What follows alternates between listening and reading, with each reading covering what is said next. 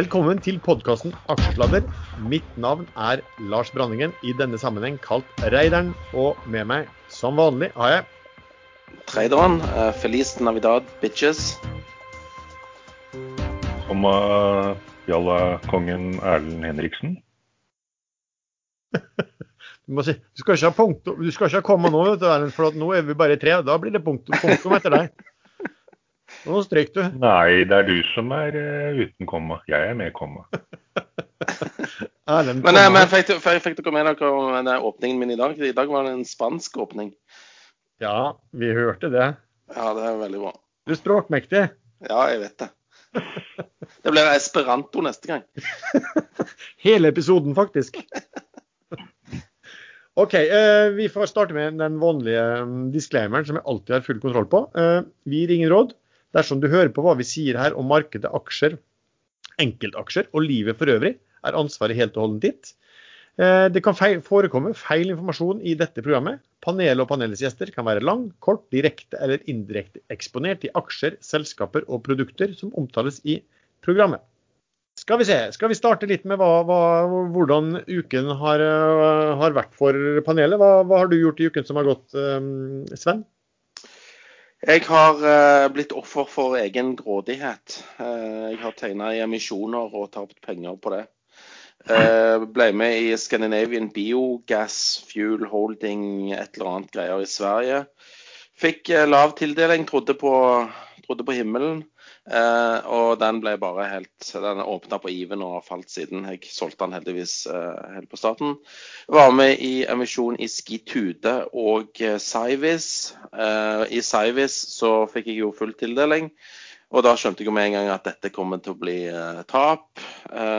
mentalt sett så var jeg forberedt på å selge den på 30, og det har jeg da gjort ute av den med et solid tap. Uh, Skitude solgte jeg litt på åpning og kjøpte litt tilbake. Heller ikke noe særlig hot. For når du får for mye tildeling, så, så faller kursene etterpå. Sånn er det bare. Jeg trodde alt skulle opp, jeg, vet du. Det, det var feil. Og du, eh, herr Henriksen? Ja, denne uken har ikke vært noe sånn uh, helt fantastisk. Jeg har uh, jeg, jeg, er jo long-long, som alle vet, i noen case. Og da må man sitte over fartstumper. Og når man sitter over fartstumper i, i vakuum-case og jalla-case, så kan de bli ganske dype. Um, jeg hadde jo masse Hva heter den igjen? Um, jeg fortrenger alltid navn og sånn på ting jeg taper litt penger på. Men jeg ligger ikke nettotap, jeg ligger netto pluss. Men Doff, som har et merkenavn som heter District Offshore, som ingen vet hva er, men alle vet hva Doffen er. Eh, den var oppå 0,98. Der solgte jeg ingenting, for jeg var sikker på at den skulle dra rett videre over en krone. Og nå ligger den på 0,73. Det er ganske mange prosent ned. Men jeg har redusert litt. Eh, man går jo inn og sjekker litt teknisk utvikling etter hvert. Og når den ikke klarte å bryte én krone, så så skal den gjerne nedover. Og da er 50 eh, retraced, de er helt ned på 0,69. Og der er det et gap, et såkalt gap fra en dag den åpnet veldig høyt, fra helt ned til 0,62. Så der har jeg gjort eh, som man burde gjøre. Eh, jeg gjorde det litt for sent. Jeg har redusert en del, men jeg har mer enn halvparten av det jeg hadde. Og regner med å ta tilbake der nede. Men så har jeg da gått litt inn i NAS igjen i dag. Norwegian, det kan vi snakke om etterpå. Så jeg har kjøpt noe som heter Standard Drilling. Det kan vi snakke om etterpå. OK, very good. Er du, blitt, er du blitt bull på rigg? Det høres lovende ut. Standard Drilling er ikke rigg. Det høres jo veldig rigg ut, da. Det er jo gamle Spetalen-selskapet som uh, kjøpte opp uh, PSV og ATH på, på brannsalg, eller på uh, tvangsauksjonssalg faktisk, for et par år siden. Ja, men jeg tror du får like billige båter nå. Jeg så at uh, Bourbon Offshore ja, ja. Skulle, skulle, selge 100, 100, fartøy. Eller konkursboet skulle selge 100 fartøy. Så det, ble, ja, det er nok riktig, det. Billige båter. Men vi, vi, kan om, vi, kan ta litt om, det mm, etterpå. Uh, jeg ser også at Oslo Børs, da, siden vi snakket sammen for en uke siden, så er Oslo Børs opp 1,5 Tøft, tøft, tøft. Toget går fortsatt. Eh, for min del så Vi kan jo snakke litt om hva som har skjedd. I, det har jo skjedd litt en del i de ulike julekullene våre. Men ellers så har jeg tegna meg og fikk jo Og det var vel da var det en uke eller var det for i Cloudberry. Um, og den har jo også gått uh, pent i etterkant. Det kommer en analyse fra Pareto på den, som er høye kursmål. Så den har gått. Uh, Goodtech har rekylert ganske kraftig etter at uh, Spetalen solgte seg ut, og så har den vel opp en ja, knapt 10 eh, siste uke. Og så har jeg kjøpt også vært i litt LPG. Eh, den falt en del etter at en analyse kom som sa selg, og så kom det en ny analyse fra et annet meglerhus noen dager senere som sa vi øker kursmålene kjøp, så da har jeg kastet meg litt inn i LPG-selskapene, som også har gått. Så det har vært eh, ja, en, en uke på det jevne pluss, egentlig. Det har kommet eh, bud på to selskap eh, på um, Oslo Børs, eller i hvert fall at det skal fremsettes bud. Og det ene, Sven, det var Kufri. Eh, Kapsch, eh, det østerrikske selskapet som har lenge vært en konkurrent til, til Kufri, de har endelig gitt opp og solgt aksjene sine til Ribor og Sønn, som nå må komme med et bud på, fordi at de har kommet over 40 Um, budet kommer til å bli på 4,7 kroner hvis du leser, um, leser um, på stamdata, altså uh, det som obligasjonseierne uh, fikk notis på, fordi at det er et konvertibelt obligasjonslån i selskapet. Og det er en change of control uh, put option der, sånn at folk kan kreve seg innløst av det lånet. Og nederst i den notisen står det at de regner med at budet blir på 4,70. Um, ja, kursen er litt over fem nå. 5,30 nå, ja. ja. Uh, og, men det er jo veldig bra å få, få ut disse her østerrikerne som har satt seg på, på bakbeina lenge og hindra uh, mye. Jeg tror de har vært en pest og en plage for, for ledelsen og, og, selskapet tidligere. Så jeg tror det er bra for aksjen og selskapet at de har fått disse østerrikerne ut. Uh, men rent sånn jeg tror ikke de har lyst til å ta eh, selskapet av børs, så derfor kommer det et bud på 4,7. Eh, men kursen kan jo likevel gå opp, fordi at eh, de nå er kvitt disse, denne klam, klumpen om foten. Eller er det klampen om foten? Da ble jeg litt usikker. Men uansett, det, det, er kjekt at det skjer noe med Kufri. Det har vært et dødt selskap lenge. Ja, for hvis vi, vi har snakket om den Ellers. Nei, fortsett du har den. Ja, nei, vi har snakket om den før, at de østerrikerne kjøpte seg inn for å kontrollere konkurrenten. Eh, og nå er de da ute. Men øh, dette er jo sånn typisk Fredriksen-bud. Man byr så lavt man kan juridisk sett ut ifra visse kurser man har kjøpt på siste x antall måneder. De blir kanskje borte, de reglene. Nei, nei, uansett, de er, det er de. Er det det? Ok. Men det er jo sånn bud, man vil egentlig ikke ha det. Uh, man vil ha det på børs, man vil ikke ha flere aksjer. Man er happy som det er. Ja, fordi Ellers hadde de bytt 47 kroner, eller, 4, eller 75 eller 590. Eh, men så kom det også et bud på Innfront, som eh, du kjenner til, eh, Sven. Hva, hva, hva er Innfront? Infront er leverandøren av bl.a.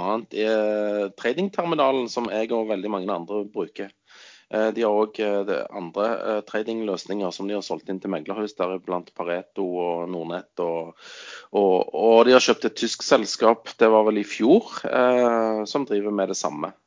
Så det er egentlig software til, eh, til, eh, til investorer og tradere. Litt sånn kopi av Bloomberg-terminalen. Disse folkene kom egentlig fra, fra Reuters Falcon eh, på 90-tallet. Og jeg kjenner de gutta der og har kjent de siden, uh, siden, 2000. Det er hyggelige gutter som nå endelig kan cashe inn uh, græla mye penger, som vi sier her borte. Kanskje. For det, det som skjedde, var vel at det er også et uh, var det en britisk aktør som hadde lagt inn et bud på 33,5 per aksje, hvis jeg husker riktig? Uh, ja, eh, nå husker ikke jeg eh, om det er 34,4 var det. Ja. Og nå er kursen 35,1, og årsaken er vel da for at han, Jens Rugseth, som man kjenner fra, som er en hva skal vi si, teknologigründer slash investor som har gjort det bra med mange store selskap på Link Mobility, han var inne og ja, husker ikke hva flere de heter i farten. Eh, men en del, en del teknologiselskap på Oslo Børs har gått veldig bra. Han hadde kjøpt seg opp nå over denne periode. Og han han var ikke glad for at dette her skulle selges ut, mente at dette hadde store framtidsmuligheter. Og var innstilt og mente at budprisen var altfor lav. Og han ville vel egentlig ikke selge, han ville heller oppkapitalisere selskapet.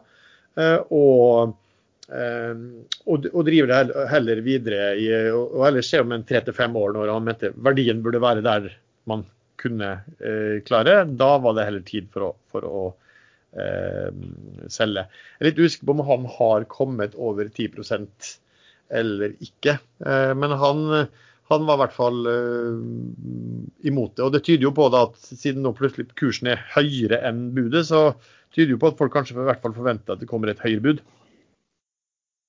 Jeg kan jo gi dem et godt råd. Som Mac-bruker så bruker jeg ikke Infront, fordi de er ikke lagt til rette for Mac. Nå kan jeg selvfølgelig koble ned Windows på Mac-en min, men, eh, men, det er jo bare tull. Hvorfor lager de ikke en løsning for Mac? Det er jo sinnssykt mange Mac-brukere. Du må spørre med Morten Lindemann, som er liksom uh, sjefs... Morten Lindemann, hvorfor lager dere ikke en løsning for Mac? Dette spurte jeg om for sikkert ti år siden. Jeg tror han hater Mac. Erlend, du ville si noen ting om uh, hendelser som skjer mellom Kina og Australia? Eh, der var jo Australia så tøffe, eh, noen vil si dumme, eh, men jeg mener tøffe, at de var med å fronte de som forlangte at man skulle lage en internasjonal undersøkelse på hvordan Kina taklet koronaviruset og informasjonen rundt dette. For det er ingen tvil om at Kina i begynnelsen holdt mye informasjon tilbake. De de straffet uh, virusforskere som uttalte seg offentlig. De la til og med ned et av de mest kjente instituttene i Shanghai, som, uh, som var de som overlot genomet, uh, dataene de hadde, til internasjonale samfunnet. Ellers hadde vi ikke vært i nærheten av en vaksine i dag. Så her er det mye som tyder på at Kina har gjort mye bevisst for å hindre verden i å vite hvor farlig dette var, og også gjøre noe med det. Australia frontet den undersøkelsen, og Kina slår hardt tilbake. De har sluttet å importere vin fra Australia. Og Kina var med sine mange milliardærer og millionærer en av de aller største kundene til Australia. Uh, Australia gir seg ikke, de legger seg ikke flate, uh, og det er bra. Uh, bortsett fra at resten av verden ikke støtter dem hardt nok. Sånn som heller ikke resten av verden gjorde med Norge. Og ingen i verden gjør med Canada, som også sliter med Kina. Så nå er det på tide at man setter foten ned, at hele verden, eh, Europa, USA, alle land går imot Kina sin avstraffelsespolitikk. For det neste Kina nå gjør, det er å snu bort fra import av jernmalm fra Australia. Eh, og sikkert andre metaller òg, så de skal virkelig kjøre Australia i senk. Ehm, men dette ligger jo mange år fram i tid. ehm, Det er ikke nok andre produsenter. og Hva heter de? Vale eller Whale? Vale heter de vel. De slet jo med den gruven sin i Brasil, den dammen som røk. og Etter det så har de lagt ned i hvert fall foreløpig ti andre gruver i Brasil til de har fått fikset det problemet. Et eller annet konstruksjonsproblem. Så, men det Kina gjør, det er å sette i gang eh, det som vel regnes som verdens største eh, jernmalm eller eh, jern, jo, jernmalmressurs i Guyana i Afrika. Og Kina er jo ofte i Afrika som andre steder. De kontrollerer egentlig landet og økonomien og utviklingen. Så de skal bygge ut dette, men da snakker vi i hvert fall fem år fram i tid. Men da ehm, Biden har vel, Hvordan vil, hvordan vil altså en ny president hvordan vil han tror du oppføre seg i forhold til, eh, til Kina? Nei, Jeg tror eh, han vil være verre for Kina enn Trump var. Trump var uberegnelig og ga litt og straffet litt, men Biden vil kjøre en ganske fast politikk mot Kina. Det er jeg ganske sikker på. Eh, tariffene som Trump har innført, det kan jo Biden bruke som brekkstang. og det er det har jeg lest at Kina er fullstendig innforstått med. Det blir ikke slettet eller fjernet over natten, disse tariffene. For det er vel det slik at eh, det lille jeg ser ut fra Biden-administrasjonen, så man det, man, det, man, antar at de vil gjøre, er at de vil forsøke å samle altså Trump vil jo bare kjøre Amerika, Amerika alene? USA alene mot Kina. Mens Biden vil samle landet eh, til felles front mot eh, Kina. Og, og, nesten litt slik at hvis, du, hvis Kina da prøver å, å, å si, småterrorisere andre land, da, sånn som de prøver kanskje med, med Australia og har gjort med andre land, så vil hele den gruppen her på en måte ha felles front eh, eh, mot Kina på hva de anser som anstendig eller, eller rett oppførsel. da. Ikke sant. Og EU har jo under hele Trump-administrasjonen forsøkt å få, få, USA med på laget, at man går, går til felles front. Men Trump kjørte jo kriger mot alle. Handelskrig mot Europa, mot Canada, Mexico og Kina samtidig. Det eneste landet han ikke har ført handelskrig mot, er Russland. Ja. Bortsett fra den uh, gassrørledningen som de blokkerte. Ja. Nå, nå, er det faktisk, Apropos Russland, nå er det litt synd i dag at gameren ikke var her. fordi at han, uh, Vi har jo snakket veldig mye om våre sorte svaner i løpet av året. Men den vi ikke har sett noe til, var jo egentlig litt sånn virus- og cyberangrep. men den kom jo faktisk nå har faktisk kommet i skjult og har blitt kjent da, i, i, løpet av den siste uken som gikk også. Uh, er det noen av dere ja. som har sett noe mer på hva som har skjedd? Ja, jeg leste meg opp litt i går. Uh, dette er jo Erlends domene. Han kan jo dette på fingerspissen. Han sier at dette er uh, helt ekstremt. Det, Kina, nei, det Russland har gjort, denne hackergruppen i Russland, disse trollene, de er jo veldig høyt utdannet og veldig sofistikerte på hackermetodene. De har kommet seg inn ikke inn eh, fra utlandet i amerikanske eh, departementer eh, og store bedrifter, men via en softwareutvikler i USA. Så har de klart å legge inn en eller annen kode i softwareprogrammet som ingen har merket. Og nesten alle, også i Nordsjøen, alle oljeselskap, alle statlige departementer i USA, alle de store hva heter det for noe, 500 Fortune 500-selskapene de bruker store software fra dette selskapet. Så hvor, hvor, mange som er infisert, vet man ikke nøyaktig ennå. Men eh, det var noen i går som mente at 25% av alle verdens største selskap er infisert av dette viruset. Og de vet ikke ennå hva det kan faktisk medføre, hva det kan forårsake. Så dette er eh, helt ekstremt. Det er jo World War 3 som er satt i gang gjennom et hackerangrep. Ja, for jeg, det, det, jeg, leste bare også sånn litt på det. Det var, det var, vel en som hadde vært sånn sjef for uh, datasikkerhet i USA før også. Han, han sa vel noe uh, som om at det her gjorde at kommunikasjon internt uh, i, altså, i, i, selskap og i offentlige kunne være altså, veldig usikker. Du, du, du, du, ville ikke vite, du, kunne risikere at du ikke hadde noe anelse om den meldingen du fikk fra den personen virkelig stemte lenger. Ikke sant. Det han sa i går, for å uh, billedgjøre dette, han sa det er, det er som at uh, Russland har alle sine bombefly uh, over USA. spredt over hele USA, og ingen har sett dem ennå. Ja.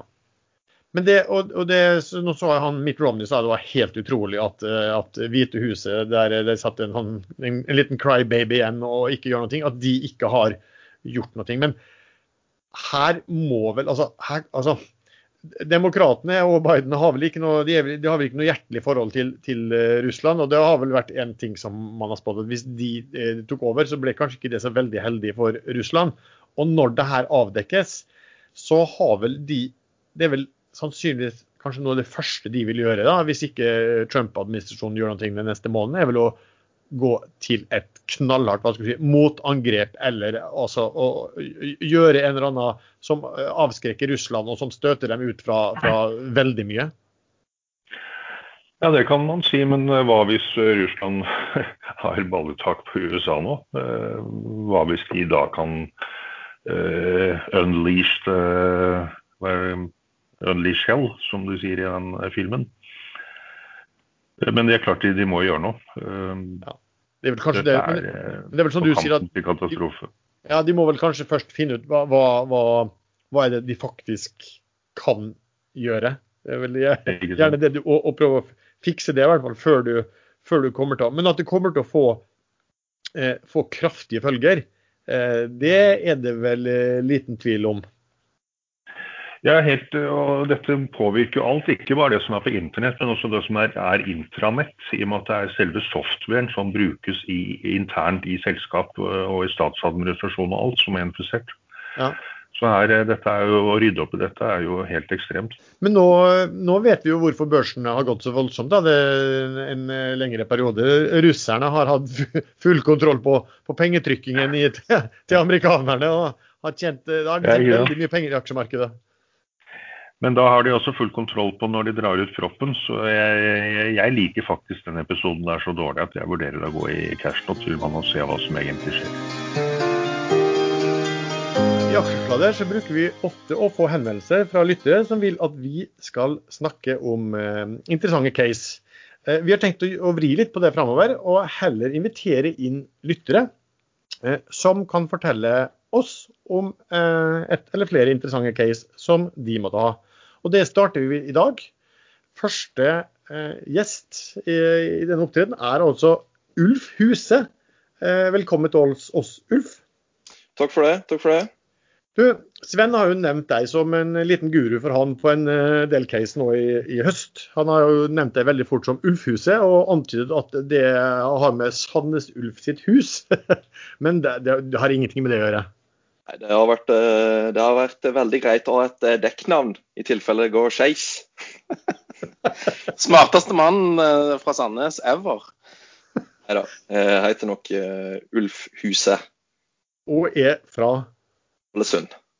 Ålesund. En sunnmøring og en moldenser i samme podkast. Jævla, jævla Ålesund. du, Ulf, kan en romsdaling òg. Jeg er jo i mindretall her. Det er jo ikke bra, dette. Uff. Sånn er det. Ulf, eh, kan ikke du fortelle litt om deg selv? Jo. Eh, nei, jeg har nå trada aktivt i, i, markedet. Det er egentlig litt artig, for jeg starta jo egentlig med å, å lese på Ekstrainvestor. Så jeg har nå eh, kjent dere karer digitalt i fire år nå. Eh, så, så, har jeg nå funnet, funnet min, min, vei i markedet med å, å, å se der ikke alle, alle andre leter. Eh, så det er jo primært der, der det ikke er så masse analysedekning. Eh, det ofte kan være muligheter, og spesielt i, i small cap. Så det er stort sett det jeg holder på med. Og så prøver jeg å være litt, eh, litt kontrær og, gjør, og gå litt imot flokken, kanskje. Og så uh, syns jeg det er veldig kjekt å, å holde på med aksjer og, og, se på selskap. Så studerer jeg ved Handelshøyskolen det går tredje året der nå, så har jeg fått litt eh, finansiell innsikt. sånn Det går an å regne litt på caser, man slipper å bare drive og trade Norwegian. og så, ja Går nå dagene sånn. Har, har, har, har du regna på Norwegian? Nei, det går vel ikke an. Du har, eh, ja, du har eh, noe case som du har lyst til å fortelle oss? Ja. Nei, eh, tok nå og tegna med et case som heter Skitud. Og det ble notert i dag, så da henta de 270 millioner kroner. Uh, og det som, uh, som tiltrakk meg med caset, var det at du får, får angrepet high end-kunder som har betalingsvillighet, uh, som den eneste aktøren med 15% av alle ski resorts i verden på kundelista, i et enda ikke-digitalisert marked til uh, fire og en halv ganger sales, da, som virker ganske fornuftig. Så value proposition til, til Skitur er jo at det forenkler skireise uh, ved at du kan kjøpe heiskort digitalt via en app. Og at du da gjennom også den appen får tilgang til mer salg som skiinstruktører, eh, hotell, Airbnb osv. Så, videre, så det gir eh, intuitivt eh, god mening for meg i hvert fall, at det skal digitaliseres. For man kan kanskje setter det litt på kant med å si at hvem, hvem er som går og kjøper flybilletter i skranke nå, da. Eh, bortsett fra gamlingene i, i, panelet her, kanskje. Men eh, eh, Erlend, du følte deg truffet nå? Eller? Nei, jeg har faktisk hørt om app og, app og internett og sånn. Mm. Så vi har hørt om det. Ja, det er en god start. Nei, så har jo den appen et brukersnitt der, der, du får tilgang til Strava og TripAdvisor. Og så alt kjører data mens du er i skiløypa. Og dette er jo data som resorts også er opptatt av, så det betaler de eh, typisk for. Og bare litt sånn statistikk, så er det 90% av resortene har ikke egen app. Og det er kun 10, 10 av billettene som blir solgt online. Eh, så er det ganske stort uttapp av potensialet. Og fra resorts side så får denne cogsen på salg av billetter, og så får det en lavere customer acquisition cost. F.eks. så kan de sende ut push-varsel på at billettene blir 20 billigere i morgen. Og det er jo her de geniale oppkjøpene kommer inn. da. f.eks. når et resort først da går for Skituds løsning med billettsalg, så kan de selge inn Liftopia sin algoritme. Liftopia var et uh, selskap de kjøpte opp nå nylig. Og den uh, algoritmen den priser jo da etter, priser billettene etter ganske mange metrics, f.eks. vær og tidspunkt på dagen. og, og setter prisen basert på de metricsa. Og den algoritmen koster jo 15 000-30 000 dollar per år for resorta. Og da kan du jo, siden de har ulik geografisk eksponering, da, eh, Skitud og selskaper de kjøper opp, så kan de jo kjøre kryssalg inn mot eh, de ulike kundene. Og så kjøpte de Spotleo tidligere i år, som har 10 millioner eh, i SAS-inntekt. Og så fikk de i tillegg et partnerskap med Skidata, og, som gir tilgang til all hardwaren deres. Og Skidata er jo de som har solgt 75% av alle skiheiser i verden. Uh, så veksten fremover her nå, den vil jo være både organisk, at det, jo flere som bruker appen, jo flere resorts vil ha produktene deres, og derav bruker flere appen igjen. Så det blir jo en sånn slags nettverkseffekt da, med reoccurring inntekter. Og så forventer jeg, at jeg forventer å to til fire oppkjøp allerede neste år. Og så har de kommunisert at de ser på 12-13 høyt aktuelle kandidater på kort sikt. Da. For det er et veldig fragmentert marked. Eh, og så vil jo da synergiene komme både på, på kryssalg av produkt og på kostnader, som virker for meg i hvert fall å være ganske plausibelt. Så Fordelen med en SAS-business er jo at eh, marginalkostnaden for én ekstra bruker på løsninga er jo ekstremt lav. Så hvis man skal prøve å regne litt på dette, her så må man jo ta enorme antagelser. Men uh, for meg da, så virker det å være ganske attraktivt, selv om det, det får ganske små markedsandeler. For selskapet har en uh, enterprise value rundt 450-500 millioner kroner. Med market cap på 550 og så 100 millioner i netto cash da, som blir brukt uh, på M&A og vekst videre. Så hadde de proforma inntekt i 2019 på 109 millioner. Da, som da gir den 4,5 ganger sales som vi snakka om. Og så sjøl har de en forretningsplan der de guider 800 millioner inntekt om fire år. da. Så hvis de, hvis de får til den, den, veksten her nå, så handler den jo godt under én gang sales. da. Uh, også hvis man kjører da et veldig simplifisert regnestykke, så vet man jo det at det, det finnes 2000 store resorts i verden. Og over 300 av dem de er på kundelista til, eh, til Skitud allerede. Så hvert av dem har i snitt ca. 100 000 kunder, og hver kunde står i snitt tre ganger på ski hver sesong og betaler ca. 300 kroner per heiskort. Så om 10% handler kortene sine gjennom Skitud, så gir det 320 millioner i inntekt, der 50% blir konvertert til EBTA. Så hvis de, hvis de, får til det, så handler aksjen tre ganger EBTA og en og en halv gang i sales. da. Og så En annen måte man kan se det på, det er om 3% av alle som står på ski i verden, kjøper kortene sine gjennom Skitud. Og da handler den én gang i sales. da. Og Peers, eh, både SAS og reiselivs Peers, handler rundt eh, seks til ti ganger sales. da. Så har de gjort oppkjøp som kan ha vært ganske billig, sånn f.eks. Liftopia for Skitur prøvde å kjøpe dem for fire år siden, og da bydde de 40 millioner euro. Og Så havna Liftopia i en likviditetsskvis nå pga. korona. Og så endte det opp med at Skitur fikk kjøpe dem for 8 millioner euro. da. Så prisen i IPO-ene ble satt ganske mye lavere enn det analytikerne og meglerne hadde forventa. De hadde sett for seg at de kunne prise Skitud for 50-100 millioner euro alene, basert på 2021-2022-multipler i tillegg til 28 til 55 millioner euro eh, for oppkjøpet. Ja. Og, og, så ble han satt til pre-money eh, 50 millioner euro. Da. Og da antar du at eh, all cashen blir brukt eh, til vekst og videre M&A. Så aggregert så syns jeg prisinga virker ganske tåpelig i et marked som ikke har konkurrenter. Og det eneste som stopper det i caseren nå, det er jo om resortsa har lyst på dette eller ikke. Så poenget her da, er vel at du må ha tro på storyen for å eie skitur. da. Så jeg syns det er et uh, bra fundamentalt case, med en tydelig value proposition, både for uh, de som står på ski og resortsa. Så vi da i første omgang bør uh, kunne se en solid reprising av.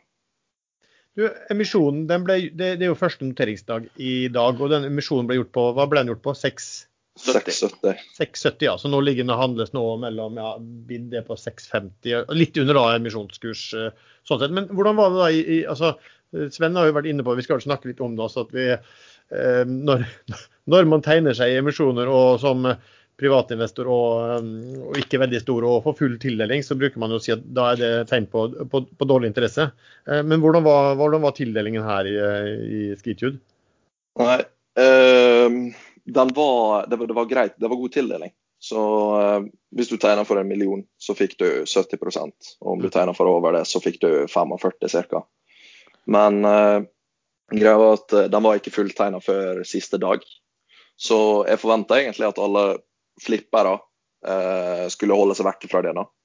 og at det kun var investorer som hadde ønske om å, om å holde caser og hadde tro på storyen. men ja, det er vel alltid noen som ombestemmer seg og, og hiver ut. Jeg, jeg, har ombestemt meg og, altså jeg har ombestemt meg to ganger i den aksjen i dag. Jeg solgte Open, eh, og så har jeg kjøpte den tilbake igjen, eh, litt lavere. For eh, jeg har jo snakka litt med deg om, om dette caset tidligere. Men jeg, jeg syns, Lars, når vi skal ha gjester og sånn som skal snakke om egne case og alt dette, så syns jeg faktisk at de bør sette seg inn i det selskapet de skal snakke om. Ikke sånn som Ulf her nå. Så, så bare liksom hauser vilt. det, det, er ingen som kommer til å tørre å, å, å snakke case etter Ulf har vært her nå. Jeg tør heller ikke snakke case lenger. De, framst, framstår så lite pålest alle sammen. Nei, altså dette, ja, dette er ikke bra for oss. Ulf, Ulf for meg så høres det ut som at du må, må jobbe noe forferdelig for, når du investerer. Jeg ser bare på opp og ned, og så kjøper jeg selv. Ja, ja vi, vi trekker vel ulike linjer. altså, Men han Aksel Lund Svindal han har gjort en kule her òg, vel? Ja, han har, eh, han har, en liten uh, posisjon her. Så uh, får vi se. Uh, ja, det var, det var vel ei Jeg har ikke tallet akkurat i hodet, men jeg lurer på om det var tre-fire-fem millioner. Det har jo vel ikke vært veldig fart i bakkene i, i 2020. Liksom, hvordan har året 2020 vært for vært for Skitude. Og, og, hvordan blir det hvis det fortsatt er nedstengninger en del måneder ut i 2021? Nei, det er jo, eh, det er jo klart at uh, alle disse skiresorts med, med stor uh, operating leverage uh, At 2020 ikke har vært et glansår. Uh, men det er jo på en måte allerede prisa inn, da. Og det er jo det som skjer fremover som blir viktig. da. Mm. Så Østerrike nå, de åpner jo for lokale uh, skiere 24.12. og for turister fra 7.1. Og eh, litt det samme ser vi i resten av Europa. Da. Og eh, ja, da er det jo viktig at, eh, at vi får vaksiner, sånn at bakkene kan være åpne. Men på en annen side så er det delvis positivt med korona. Fordi at uh, det insentiverer jo resortsa å ha elektroniske elektronisk alternativ. Så han er jo fra Ålesund, og da bruker vi å dra til Strandafjellet for å stå på ski. Og der var det kun mulig å kjøpe digitale billetter. Der har de stengt ned alle båsene. Mm, så litt korona er nok sannsynligvis bra for skitur, da. Uh, for du får jo redusert kostnadene. Så, uh, altså resortsa. Det er, og hvis du skal bruke hente inn penger og du har til hensikt å gjøre en del oppkjøp, så er det vel den tiden her kanskje da du skal gjøre oppkjøp hvor kanskje ikke Eller kanskje en del aktører som ikke har de eh, midlene til, som Skitude har til, til liksom, å holde en negativ utvikling stangen. Ja, ja, ja, absolutt. Det var jo det du så med Liftopia òg. At de havner i en likviditetsskvis og du får, får plukke det opp eh, relativt rimelig. da. Men hvordan sånn inntektsmessig, hvordan, hvordan, eh, hva har de sagt om bare sånn for en oppfatning om, om hvor, hvor, dårlig inntektene blir i et sånt korona? Hvor, hvor mye vil eh, inntektene for Skitude falle i 2020 kontra 2019? Uh, Liftopia grunn, Deler av grunnen til at de, de fikk kjøpt det så rimelig, var det at uh, de mista en stor kunde som sto for 25% av inntekta. Så uh, eh, den vil jo falle, falle tre, tre euro, da. Tre millioner euro. Mm. Og så har du jo Skitud, som har ganske lav inntektsbase fra før. Så der er jo det eh, der er du jo opptatt av at eh, de skal ha en videre brukervekst på, på appen sin. Så det er jo uansett ikke årets inntjening du, du skal se på her, da. Det er jo, eh, det, det er jo hva som skjer down the line, da. Når det normaliseres. Ja. Ja, Ja, ikke sant. Så det kan være at du må forskyve den forretningsplanen der et år. Det kan godt være. Men eh, de guida, neste år, da, så guider de 17,5 millioner euro da, inntekt. Det blir spennende. Uh, gutter, noen flere spørsmål til uh, Ulf? Nei, Er konklusjonen by target 32, eller er han ikke det? ja, nei, jeg gir ikke noe råd. Men uh, jeg tegner emisjonen sjøl, Du tegner ja, mer enn meg òg, du. Og du har vel ikke solgt heller? Nei, Sånn som du snakker. Nei jeg sitter på aksjene. Så eh, ja, vi får se hvordan det utvikler seg. Men eh, jeg har nå troa på at, eh, at man skal kunne kjøpe, kjøpe heiskort via en app da, og bruke mobilen sin, mobilen sin som heiskort. Og hvis du legger den i varmestua, så kan du, kan du skanne inn, inn kort og lade opp via mobilen. Så det virker helt, helt åpenbart. Jeg syns det er rart at det ikke har skjedd tidligere. Så når du får kjøpe, kjøpe en, en type markedsleder på det, så, så er det kanskje verdt risken. da. Uff, da takker vi så mye for at du eh, ville stille opp. Det her var veldig bra. Det var så bra at vi håper du ikke har skremt eh, bort eh, andre lyttere som vil stille opp og fortelle om sitt case. Ja, Og, det var hyggelig å høre.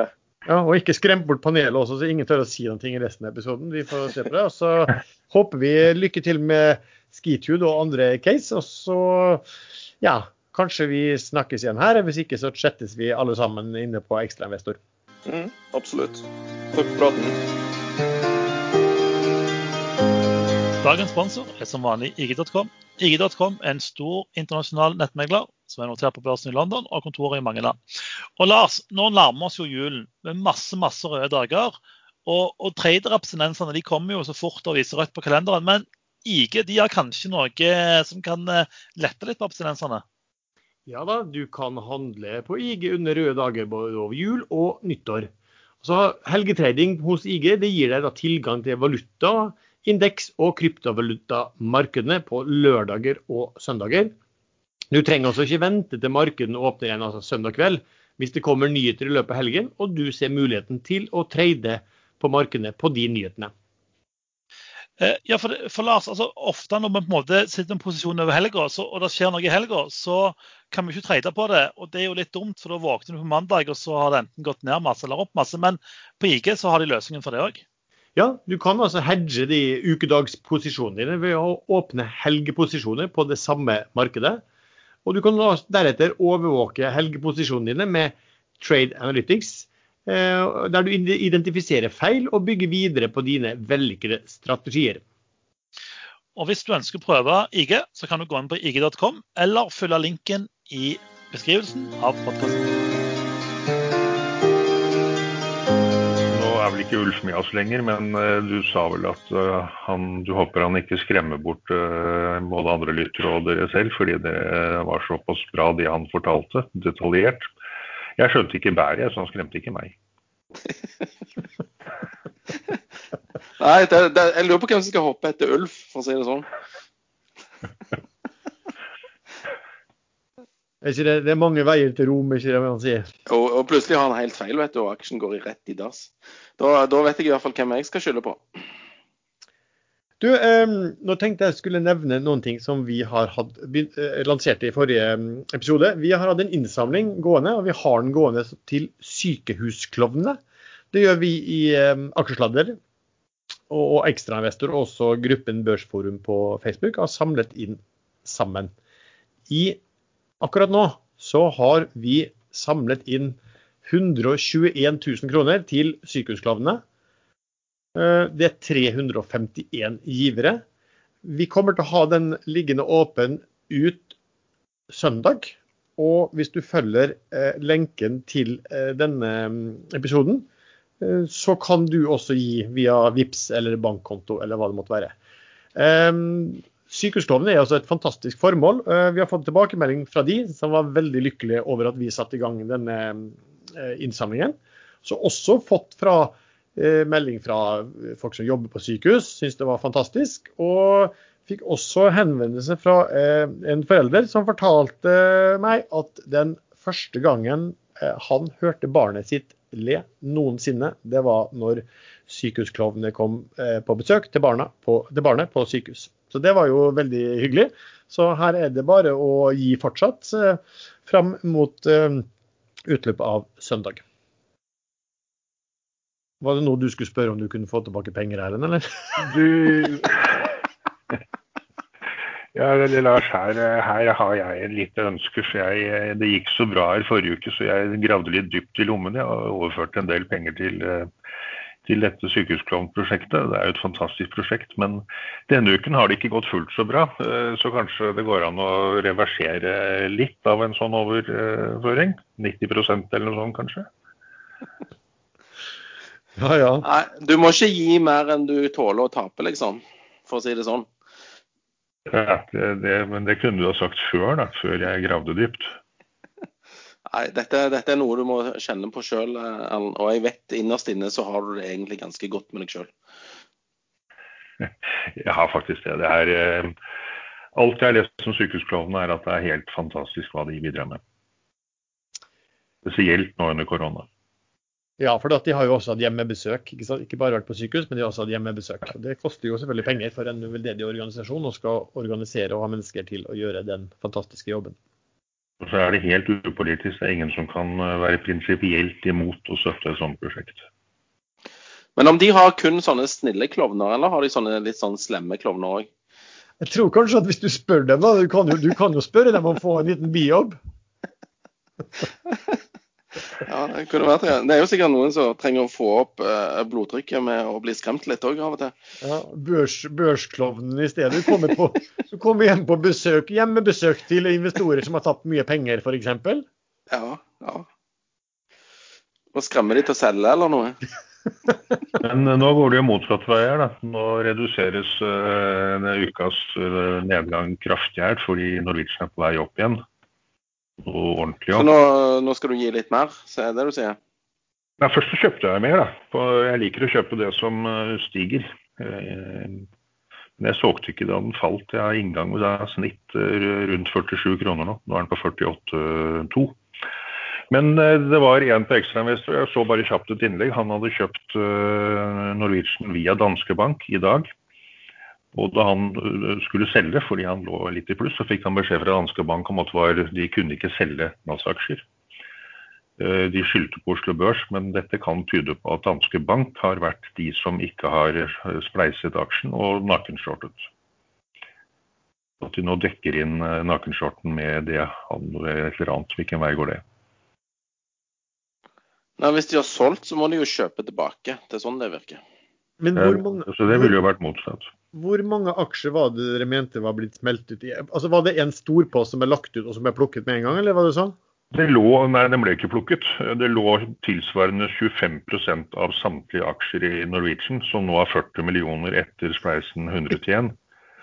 Eh, Så lå over 25% av de aksjene på 48 til salgs, og det er helt umulig. For det er ingen som eier mer enn 7-8-9% og det er Avanza Bank, som er bare småtredere. Ja. Så der er det noe galt som har skjedd, og det kan jo medføre, det kan medføre to ting. Eh, Det kan komme en matching hold hvor Oslo Børs eh, skjønner at her har det gått noe galt, og så nuller de alle handlene i dag. Eh, Nei, og det skjer ikke. det skjer ikke, nei. Ikke sant. Nei. Så da må det dekkes inn, og da er det snakk om mye aksjer. Ja, men du, du, du sa vel at den, de aksjene ikke ble plukket? Jo, mange av dem. Eh, Det ble jo plukket masse, men det tar tid å plukke 25% av et selskap. Ja, ja, ja, ja, ja skjønner. Ja, men var det Men ti, det er, mil- var det ti millioner aksjer som lå der? Rundt 10 mill. Ja. Eh, Jeg, bare- jeg, bare- leste at det var 25% som ligger der, så om det var 9 eller 11, det vet jeg ikke. Men nå er det omsatt 9,9. Nå er det omsatt nesten 10 millioner aksjer nå, og det er jo da 25% av selskapene omsatt nå. Ned 24 eh, hittil i dag på Jo, men det er jo øh, Ja, ja. Den sluttet på 63 i går, tilsvarende. Øh, Ja. Det var vel 0,63 øre. Men når man da kjøper på oppen, da, da, da finnes man ikke risikoavers. Um, selv ventet jeg til 48, og det var for høyt. Nå er jeg helt nede i 43,5. Nå er han på 48 igjen. Ja, ikke sant. Snart over 50 igjen nå. Så dette blir bra. Eh, ja, hvor bra den blir etter den har falt 24% Men fra din inngang så vil det bra. Men, men det sier jo litt da om altså, jeg må si Det sier litt om, eh, beklager uttrykket, idiotien i markedet, når en aksje som blir spleiset, fall, eh, faller eh, 24% altså fordi Det som skjedde i Norwegian, var altså at hadde man 100 aksjer fra før, så ble det omgjort til én. Kursen da som var 66 øre i går, blir da tilsvarende da når du har en hundredel 66 kroner, og så faller da eh, aksjen voldsomt. Nå, nå, nå varierer jo den mye fra dag til dag uansett, da, men her er det åpenbart den har falt for, bare fordi at man ser at oi, denne koster nå 60 kroner å kjøpe, i går kosta den jo bare 60 øre. Um, Den og selv om verdiene, eller mangel på verdien per aksje, er jo, er jo, akkurat, er jo akkurat eh, nøyaktig tilsvarende. Så det, det sier jo bare at det er i hvert fall en enorm mengde aktører der ute som har 0,000 interesse for hvilke verdier som måtte ligge bak aksjen. Ja, akkurat i Norwegian er det jo så mange som ikke skjønner det heller. Det er, det er jo tragisk, men, men sånn får det være. De, er, eh, Ja, ja. de tredje på børs, og eh, jeg kan ikke påta meg jobben å være så moralsk eller eh, ha så mye empati med de som, de som kjøper på denne kursen. Det er jo altfor høye kurs nå også. Men jeg snakker høyt om det her, så de som eh, kjøper nå og tror at aksjen skal til 320 kroner, som den var på før, bare fordi den nå plutselig har blitt 48 kroner, som er 100 ganger mer enn i går, eh, enda mer, det er jo helt vilt. Men det er mange som tror det, eh, og de, da får de seg en lærepenge. Jeg er faktisk helt, der er jeg faktisk helt eh, enig med deg. fordi at liksom, I samfunnet ellers også, så det, det er jo begrenset hva folk skal beskytte, beskyttes mot på alle bauger og kanter. At du, snart at du ikke kan kjøpe nok mat for at du spiser for mye nok brus eller hva som helst. Altså, Norwegian har alle vært ute i media overalt har vært ute og advart, eh, advart om det. Um, og vi har også gjort det her også. Det har vært også masse på ekstramester. Altså, folk, folk kan ikke være i tvil om, hvis, hvis man gidder å gjøre det minste sjekk, at fundamentalt mener absolutt alle at denne skal ned i, løpet av i hvert fall skal vi si, februar, fram til februar-mars.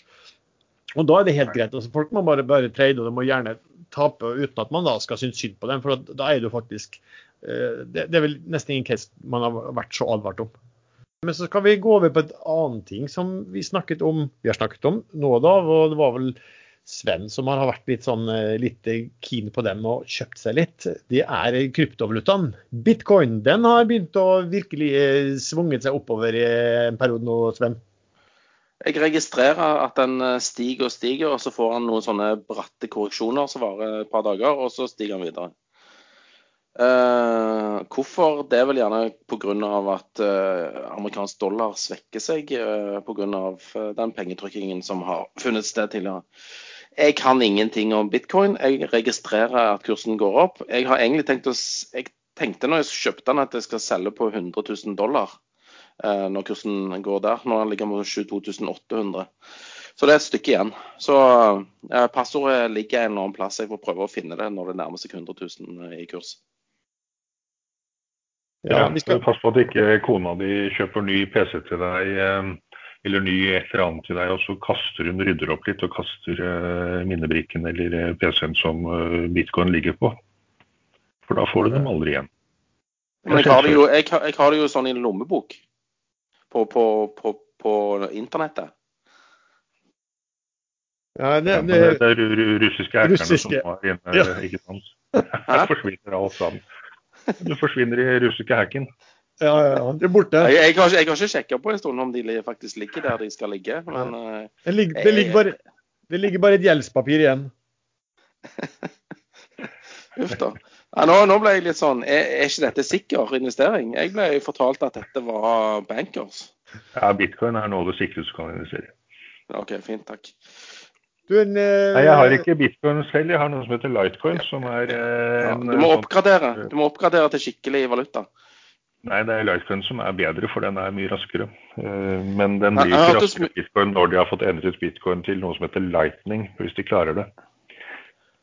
Men jeg vet ikke hva du snakker om. Litecoin har gått bedre enn bitcoin de siste månedene. Eh, Den lå nettopp på 40, nå ligger den på 108. Litecoin høres mye sunnere ut enn bitcoin. Ja. Sånn rent kalorimessig, i hvert fall. Hvilken krypto kjøper du, Lars?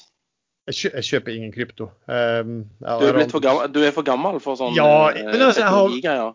Men nei, jeg har faktisk, jeg har faktisk lest det der um, paperet eh, på bitcoin den gangen det ble laget av han eh, Satoshi, eh, hva det nå heter. Na, Nakamoto. Ja, jeg har faktisk lest den der Og så, og så har jeg liksom per definisjon eller var det Nakamuri? Eller er det en sykkel? Han vet ikke hva han heter, det er bare et fake-navn. Han er den største kryptoeieren, men de klarer ikke å finne ut hvem det er. Nei, han sitter ikke an på fire millioner eller noe sånt da, eh, bitcoins eller et eller annet sånt. Men de har aldri vært eh, rørt, de fire. Så man lurer på Det var en australier som mange trodde det var, og og han nektet og nektet, helt til han plutselig sto fram og sa at det var han. Men det er visstnok et bevis han kunne lagt fram for å bekrefte det, og det er kopi av den aller første transaksjonen eh, som skjedde i bitcoin, og det har han ikke gjort. du, Men vet du hva? Vet du hva eh, toppen av dumhet må være? Det må være å gå ut og si at det er du som eh, sitter på den biten der. For da duk, jeg antar jeg at skatt, skattemyndighetene dukker opp neste dag eh, og skal ha, gi deg formuesskatt på eh, noen hundre milliarder, tenk, eh, ikke sant? Du, en av, du må jo være en av klodens rikeste menn, da, ikke sant? Og da, Nå skal han ikke si noe stygt om eh, Balkan, men eh, det står nok plutselig noen, eh, noen som har lyst til å bortføre både deg og kona di og besteforeldre og tantebarn eh, eh, fra Albania eller Bulgaria på døren dagen etter. Men jeg har veldig altså, sympati for den eh, bitcoin-tankegangen med at du har liksom en matematisk eh, mm, eh, altså algoritme som, som, som styrer hvor mye penger som kan eh, Eller nye bitcoin som kan trykkes. Det synes jeg, altså, I disse dager hvor liksom man bare tryk, trykker penger hele tiden. OK, vi går med underskudd, vi trykker nye penger. altså det, Den galskapen der som før, før den tar slutt, så er jo på en måte nesten bit, bitcoin er jo liksom den, den vi, Hvis du kaller alle for valuta, så er det, det er jo den, den, den fornuftige gutten i klassen. Er helt klart, det, det er et makstak på antall, og det kan ikke økes. og Det er en desentralisert internasjonal sentralbank eh, med makstak på antall coins de har. Men Lars, du som eh, er veldig konservativ, du er jo nå mer konservativ enn verdens eh, de største hedgefondene i verden. Det er nesten ingen som ikke har begynt å kjøpe seg inn i bitcoin nå. Nei, nei. Altså, det, det er ikke noe Det er bare at jeg har ikke noe peiling på Jeg er jo ganske opptatt av liksom, verdi, og jeg har ikke noe peiling på uh, hva er verdi av noe sånt. Men jeg bare sier at jeg, jeg har liksom- 22 800 dollar i skrivende stund. Ikke sant? Det, det, det, det, Det er verdien sånn, på det er sånn dag, det er daglige kursnoteringer, så du kan òg lese i avisen dagen etterpå hvis du lurer på kursen. Ja, men det er mer sånn Hva er det verdt, liksom? Hva, hvor, hvor skal kursen Ja, men hva er hva er det verdt? Det er verdt det som markedet er villig til å betale for det. Korrekt, men jeg er jo ikke opptatt av hva de er villige til å betale i dag. Det er mer hva de er villige til å betale om en måned. Det der er, Ja, da vil de betale litt mer enn de gjorde i dag. ja. Men du kan kjøpe dollar også, ikke sant? Hvis du, det er Ja, men det, det. Der har det jo vært stadige emisjoner, og der kommer det masse emisjonsaksjer. Det er sant. Altså, så du må se på det sånn. Så du, du sier at det er vakuum, man kan vakuumtrede dollar? Nei, men jeg leste at nå mente de at nå har de funnet en kur for resesjon. Det er kun å, å printe penger hver gang det begynner å gå litt dårlig. Ja. Så det er jo Ja, men du kan vel sikkert ta for mye medisin òg, og da får du vel en reaksjon den andre veien. Ja, problemet er at du, du tar ikke, det- sentralbanken tar jo ikke pengene tilbake igjen når det er gode tider, som man teoretisk skulle tenke seg at de burde gjøre. Eh, Men Ja. det tør de, tør de jo ikke gjøre det heller, for da begynner aksjemarkedet å falle, og da eh, vil de ikke gjøre det lenger. Så du mener ting henger sammen med ting? Ja, det, Over tid så gjør det i hvert fall det. Selv om det av og til på litt eh, kortere sikt så kan det være at det ikke gjør det. Men på, på, på sikt så skal jo alt opp. Ja, alt skal opp, for at, eh, ikke sant? For at du, du trykker bare nye penger og kjøper nye verdipapirer. Strong Ja. on the go up. Men eh, bare kort, eh, når vi er på å trykke penger osv. Norges sentralbank var vel ute i går eller foregårs og sa at de regner med at rentene nå skal opp mye raskere enn de trodde. Så Så de som da har tatt fastrentelån på 10 år eller 20 år på 2,5% det var vel heller 2% tror jeg, de har kanskje gjort en kjempedeal. Tror du renta skal mye opp? For jeg vurderer en nytt tiårs uh, binding. Uh, for, eh, for, for, forrige bindingen for ti år siden var ikke fullt så bra, altså. Nei, men la oss si 2 da. For det første så får du 28 i, eller rundt der i skattefordel av staten. Uh, Det går jo over skatteseddelen som reduksjon av eh, inntekt. Eh, Og det kan du alltid leve med. Eh, Men, eh, og du kan jo sikkert også leve med 10% rente, men tenk på alle de som ikke kan det, som har kjøpt seg hus til 14 millioner eller 34 millioner på Nordberg. Med to relativt vanlige inntekter og har spekulert at nullrente vil vare i 20 år. De ryker jo noe så sinnssykt, og det er mange av dem. Ha. Men hvor mye inn- bare 2-3-4 er det 85 eh, belåning du kan ha? Det kan vel noen klare å få til, men det er begrenset med fem, maks fem ganger inntekten. Men det ble vel lettet litt på nå under korona, tror jeg. Okay. Men kjøper man gjennom et AS, så er det vel 85 belåning som gjelder. Hvis du har eh, solide tall i selskapet. Norge har vært her en gang før. Alle piler opp, og alle trodde alt var bare fryd og gammen. Det var vel i 86-87, og så gikk det på dunken nesten over natten. Ja, Men 86-87 så var jo renta opp i 14 var ikke bolig, boligrenta? Ikke, ikke, før, eh, ikke før krakket. Hvor mye var den før krakket, da? Nei, Den var mye høyere enn nå, men eh, jeg tror ikke den var mer enn 5-6-7 Sånn relativt vanlig på det lange medianen på hvor rentene pleier å ligge. Ok. La oss gå videre til eh, ja, et annet tema, for det her blir folk spurt om. Vi kom jo med julekuler eh, i forrige mm, program, og det har jo skjedd ganske mye av de. Eh, da ble det jo min oppgave å gå litt igjennom hvor noen har gått veldig bra. Eh, Et par stykker har eh, smelt skikkelig i bakken. Um, Et par stykker? Det var ikke bare din, da? Nei, altså min er faktisk på langt nær den verste. Den aller, aller verste er jo Norwegian med, med hestelengder. Så, Hvem var det som valgte sånn, den? Jeg så Det var mm, Erlend Hvilken Erlend? Henriksen. Det var jo bare tre stykker som hadde sånne Å Oh, ja, ja. Så, Han andre så, var 100% cash. som men nå skal du høre, jeg så, det her tror jeg tok ut sånn ca. klokka ti i dag, siden folk spurte hvordan det lå an. Du må, da du må ta nå, for nå er havjorda opp eh, 19% Ja, men da, det var ganske mye opp da også. Men ikke fullt så mye Men da. jeg, jeg protesterer her. Eh, Norwegian-julekulen har ikke knust, den bare ramla ned. Det er En av de få som bare trillet bortover gulvet uten å knuse. Det skjer Har du, innimellom. heng, har du hengt den opp igjen? Jeg har hengt den opp igjen. Men uh, la meg ta, ta, ta hvordan det ligger an, sånn sett. Da rundt i titida så var dine fem Du hadde et snitt, uh, Sven, på 12,6% opp. Ja, det er svakt. Det er svakt.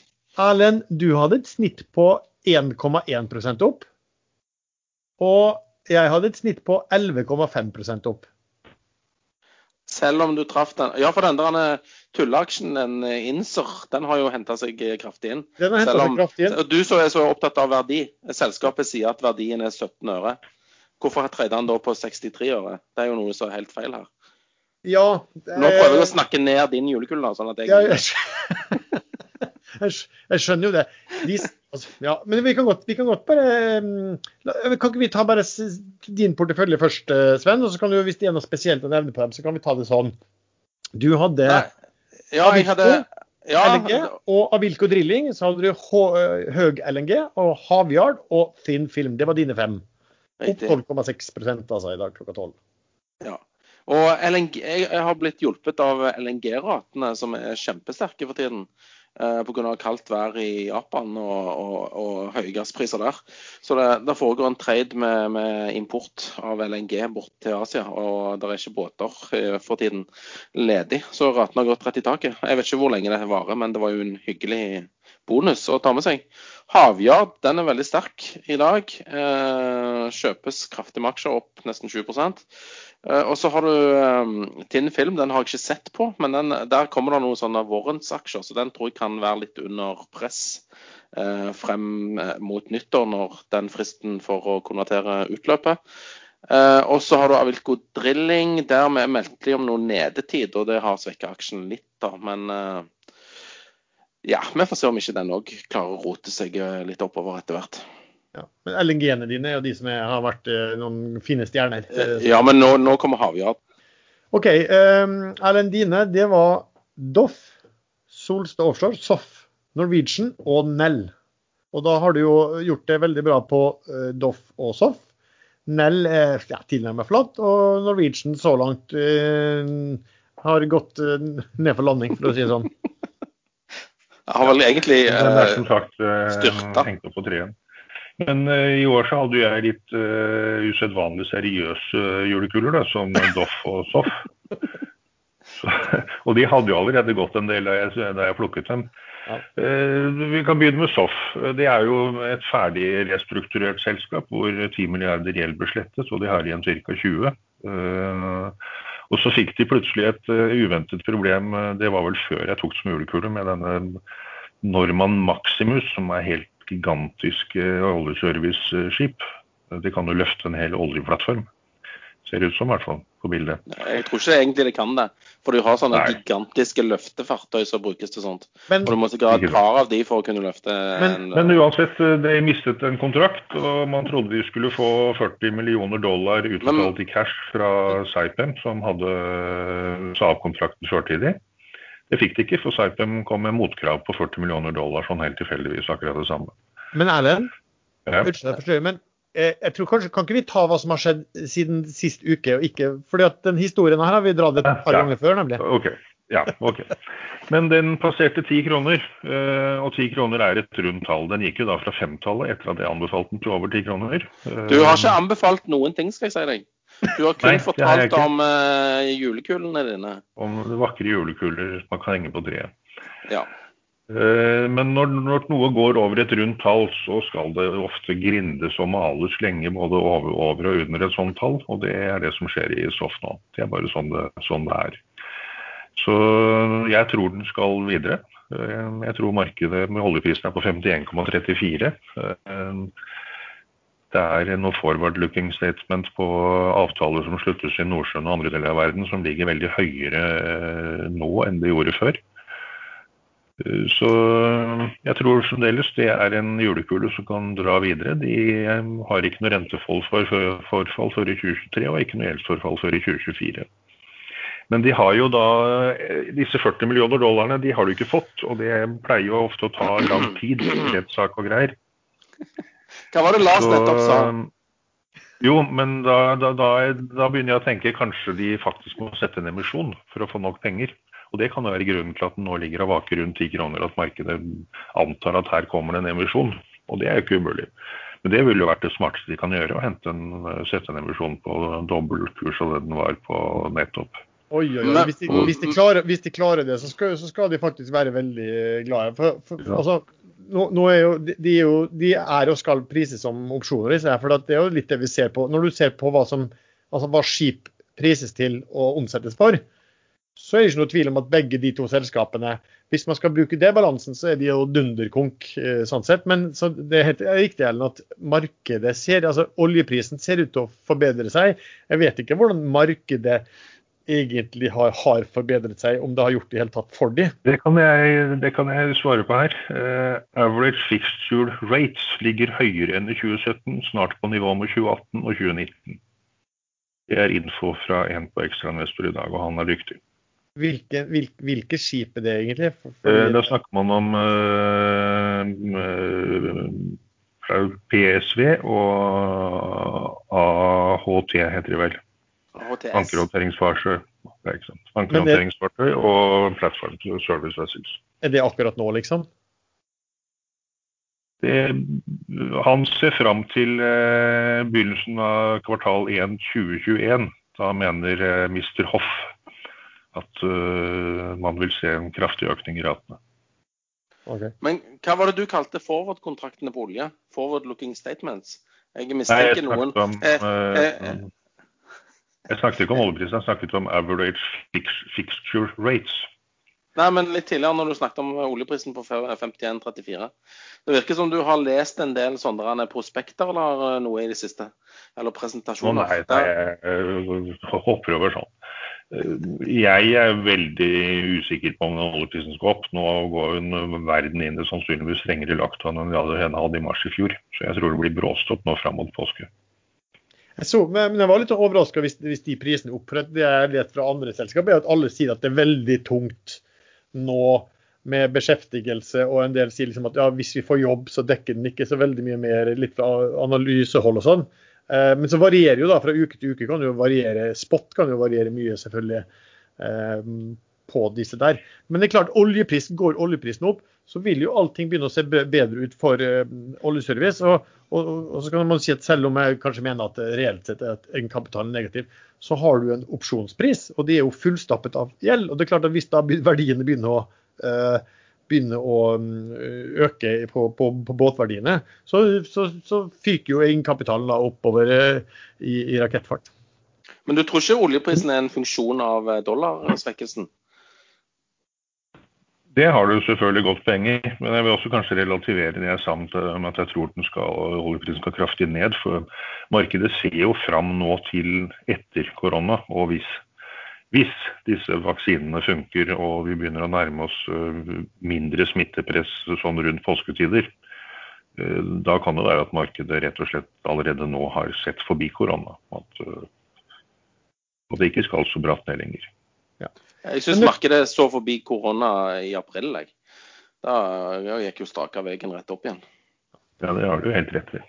Men Erlend, sånn, sånn sett da, sånn, eh, din julekule ligger jo an. Du er altså, selv om Norwegian har falt noe voldsomt, så er det jo fortsatt eh, i pluss, for å si det sånn.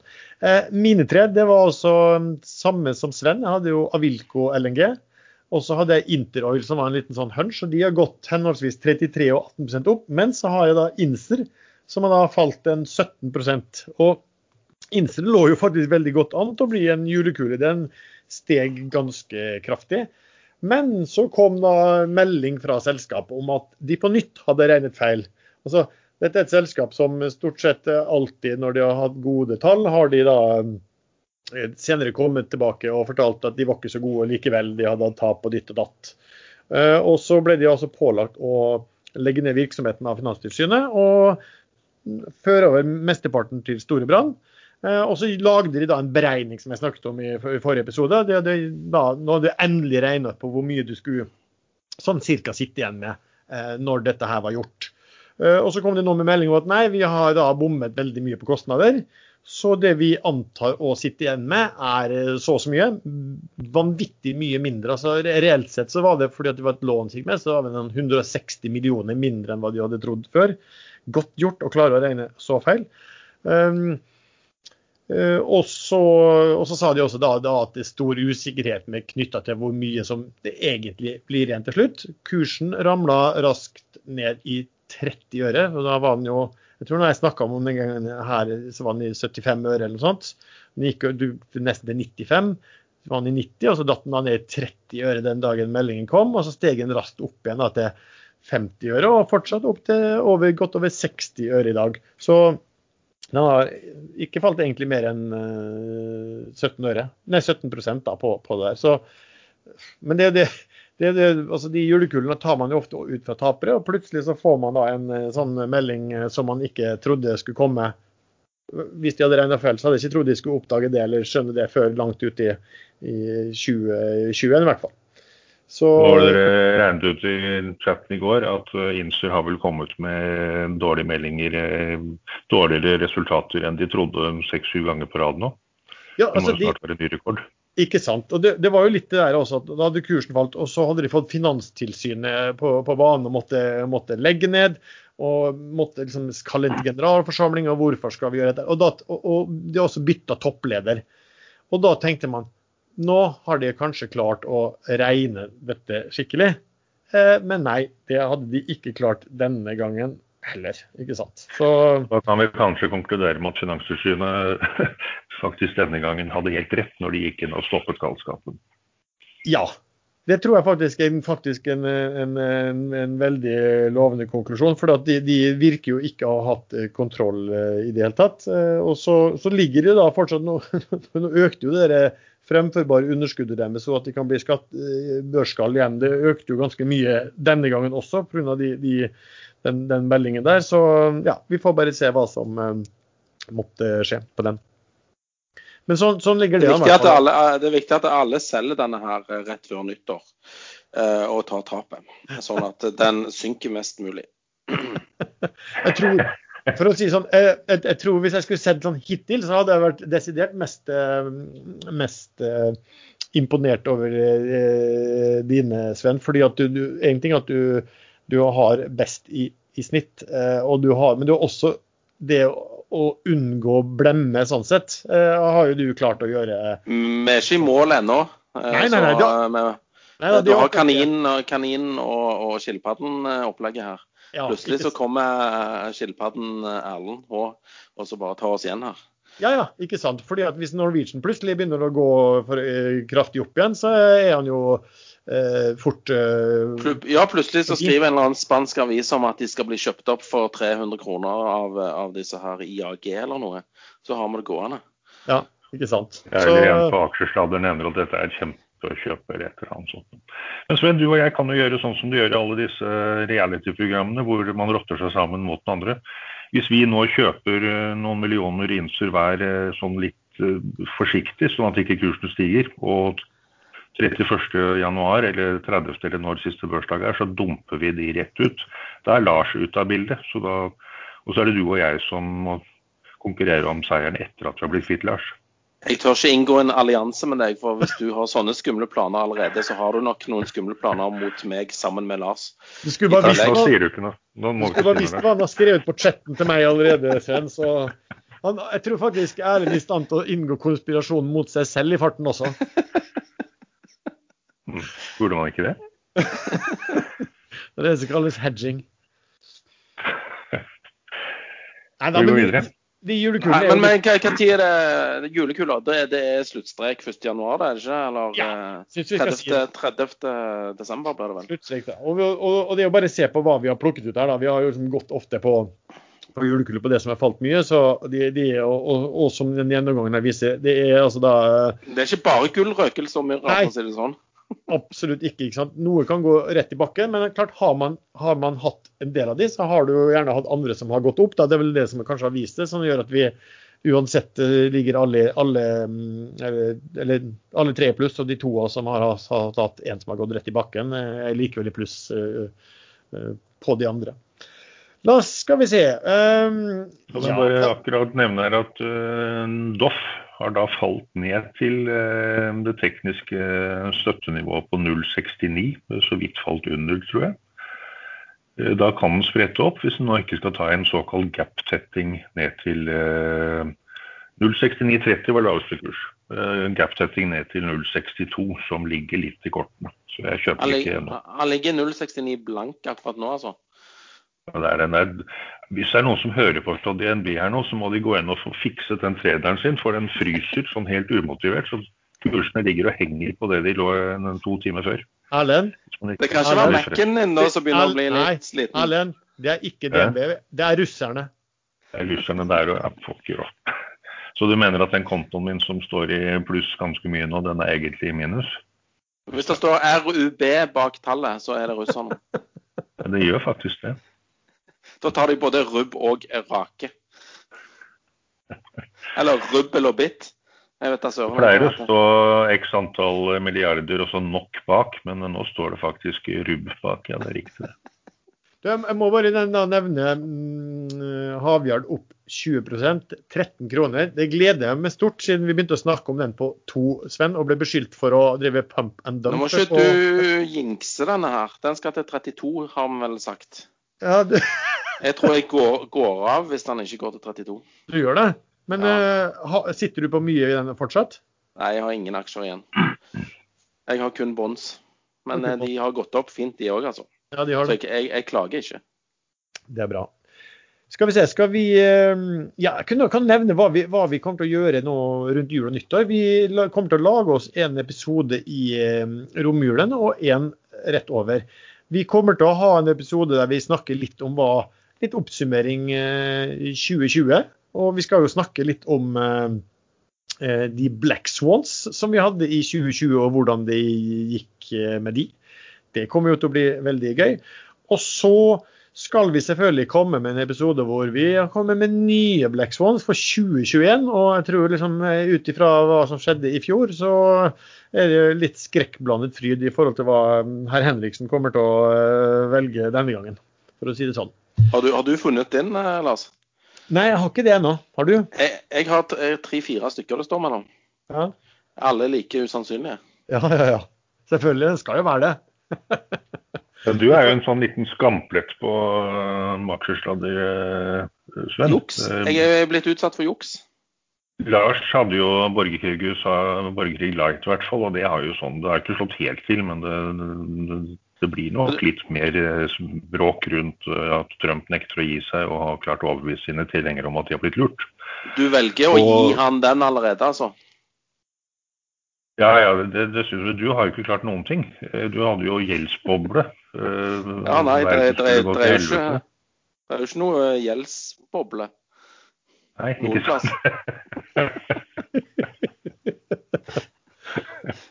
Alt er bare fryd og gammen. Men den svanen flyr fremdeles høyt der oppe i luften. Den har ikke landet ennå. Nei, men ja, Du mener min svane er hvit og fin, mens deres er sort og er skitten? Ikke sant. Min er jo faktisk ikke bare sort, den er jo sånn oljesøl på. Den. Den er vel egentlig avliva for lenge siden, skal du si. Ja, vaksinert, den. Ja, det er liv i den ennå, så vidt. Vi må satse på at vaksinen funker. Men nok om det. Um, skal vi se. Uh, da kan vi jo begynne å gå mot avslutningen her og snakke om hva, hva, hva Har dere noen favoritter for uh, uken som eh, kommer? Nei, nå går vi jo inn i juleuken, så uh, jeg tenkte etter i dag når jeg fikk disse misjonsfadesene midt i fjeset her, så, så tenkte jeg ja, det er best å roe ned nå. Eh, og ta, ta juleferie. Så, men jeg, jeg har putta litt penger i ADS siste dagene. Den ligger over eh, Nei, den ligger under det du får i cash-utbetaling, som er 2,18 dollar eh, i januar-februar en eller annen gang.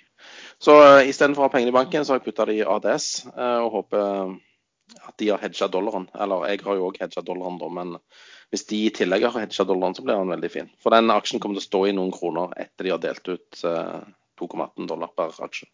Og du, Ellen? Ja, jeg- Norwegian vi snakket nok om, men den kommer, tror jeg, til å fortsette opp i vakuumet sitt. SOF er, trekker jeg litt tilbake nå.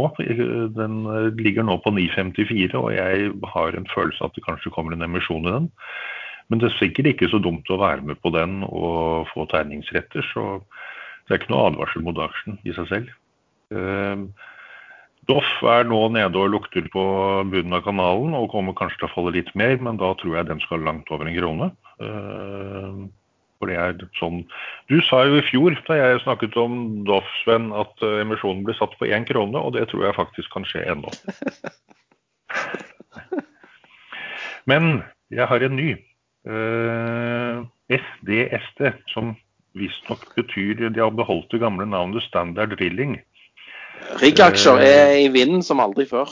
Ja, men det er jo ikke noe rigg-aksje i den. Det er, jo- det er ikke noe rigg i den. De, har, eh, de kjøpte, som jeg nevnte vel kjapt i stad, de kjøpte båter på billigsalg, PSV og ATHS, eh, AHTS. Men, men det er jo ikke billig nå i forhold til hva man får de samme båtene for nå, men de har vel gått ganske greit. Og så kjøpte Spetalen en eh, stor eh, VLCC, en Very Large Cruise Carrier, som var et bomkjøp. Han kjøpte akkurat da ratene falt fra 400 000 dollar til 5000-6000 dollar om dagen.